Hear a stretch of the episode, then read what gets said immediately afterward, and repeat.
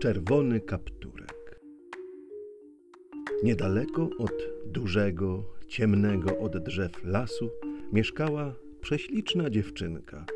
Miała ona różowe, jak u poziomki, policzki, duże oczki błękitne i złote, jak pszenica, włosy. Kochali ją rodzice nade wszystko i cieszyli się, że prócz piękności ma czystą i niewinną duszyczkę. Ale najbardziej kochała ją stara babcia, samotnie w głębi lasu mieszkająca. Nie wiedziała wprost, czem jej swą miłość okazać. Wreszcie kupiła dla niej śliczny czerwony kapturek, w którym dziewczynce było tak pięknie, iż przezwano ją czerwonym kapturkiem.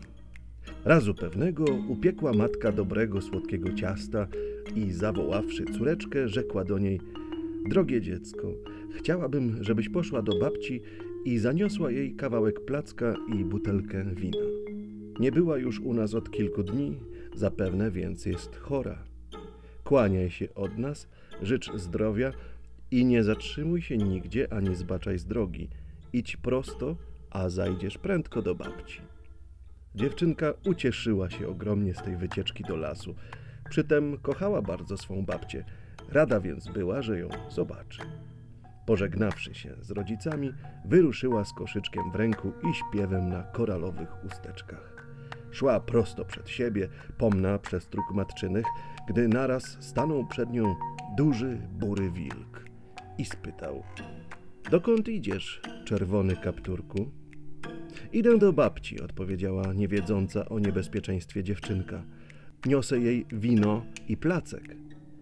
A daleko stąd mieszka twoja babcia? zapytał chytry zwierz, układający sobie w myśli, że pożre babkę, a na deser zje to śliczne młodziutkie dziewczątko. O, już bardzo blisko, odpowiedziała dobroduszna dziewczynka. Widać z dala domostwo. Tam mieszka moja dobra babusia. A nie uzbierasz dla niej kwiatków? spytał wilk. Toć pewnie lubi roślinki. Patrz, jakie prześliczne dzwonki i konwalie. Mamusia nie kazała mi się zatrzymać ani zbaczać z drogi. Boję się jej nie słuchać. Co? Alboż idziesz do szkoły, że się tak śpieszysz? Jeśli spóźnisz się do szkoły, to masz wymówki dla nauczycielki, ale do babci przyjść możesz 10 minut później i nic to jej nie zaszkodzi. Tym bardziej, że zrobisz to dla sprawienia przyjemności. Ona tak lubi kwiaty. Masz słuszność, drogi panie Wilczku. Uzbieram trochę konwali i dzwonków. Wilk tylko na to czekał. Pędem pobiegł do wskazanej przez dziewczynkę chatki i zapukał kopytem. Kto tam? zapytał słaby głos chorej staruszki. To ja, czerwony kapturek. Niosę ci babciu placek i wino. Otwórz mi, odpowiedział jak najcieńszym głosem niedobry oszust. Odsuń rygiel, poradziła staruszka. Drzwi same odskoczą. Chora jestem, wstać do ciebie nie mogę. W tejże chwili burę wilczysko odsunęło rygiel i wskoczyło do izby. Żarłoczny zwierz otworzył brzydką swą paszczę i połknął staruszkę. Nawet krzyknąć nie zdążyła biedaczka. Wtedy włożył jej czepek, przykrył się kołdrą i czekał na dziewczynkę. Rozłakomił się tak bardzo, że nie dosyć mu było jednej ofiary. Chciał połknąć jeszcze milutką i dobrą wnuczkę staruszki. Nie czekał długo. Dziewczynka przybiegła wkrótce, niosąc śliczny, pachnący bukiet dla swej ukochanej babci. Zdziwiła się, widząc drzwi do izby otwarte i szybko podeszła z koszyczkiem do łóżka. Cofnęła się przestraszona. Babcia miała długie, kosmate uszy. Myślała, że to z choroby. Babciu, zawołała, dlaczego masz takie długie uszy? Żeby lepiej słyszeć, co mówisz, drogie dziecko. Babciu, dlaczego masz taki głos gruby? Bom zakatarzona, moje dziecko. A dlaczego masz takie szerokie usta? Żeby cię łatwiej połknąć, moje dziecko. To mówiąc, porwał się z łóżka i połknął śliczną dziewczynkę. Atom się najadł, cieszył się wilk bury.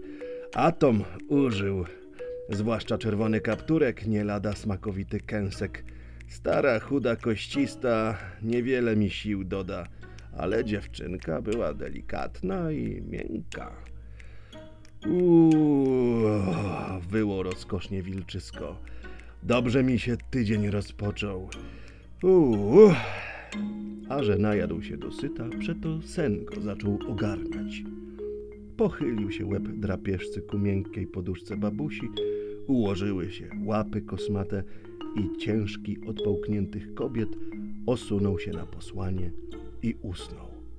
A spał smacznie i chrapał tak rozgłośnie, że aż zawsze ciekawe sroczki przytuliły główki do szyby i zaglądać poczęły w głąb izby. Pi, pi, pi, skrzeczały zdziwione. Pi, pi, pi, co to? Toż to nie staruszka, która dawała nam nieraz okruchy, ale potwór jakiś leży na jej posłaniu i chrapie. Muszę powiedzieć o tem naszej sąsiadce Sowie. Pi, pi, pi, a to nowina. I lubiąca ploteczki sroka, opierając się ogonkiem, który na to jest tak długi, aby służył jej za podporę, wnet pobiegła do sowy i opowiadać o dziwnej przemianie staruszki zaczęła. Inne sroki zrobiły toż samo i wnet las cały wiedział o tem, że w chatce dobrej i miłosiernej kobiety leży zwierz jakiś okrutny i chrapie ile ma siły. Właśnie odbywało się polowanie na zające. Uciekły biedaczki strwożone, umykały od strzałów i naganki. Biegły zrozpaczone samiczki do pozostawionych w norach dzieci, uciekały samce, słysząc tuż za sobą gonitwę. Właśnie jeden z zajączków pędził, ile mu sił starczyło w stronę chatki otwartej, gdzie na puchowej pościeli leżał wilk bury i sapał i chrapał na cały las.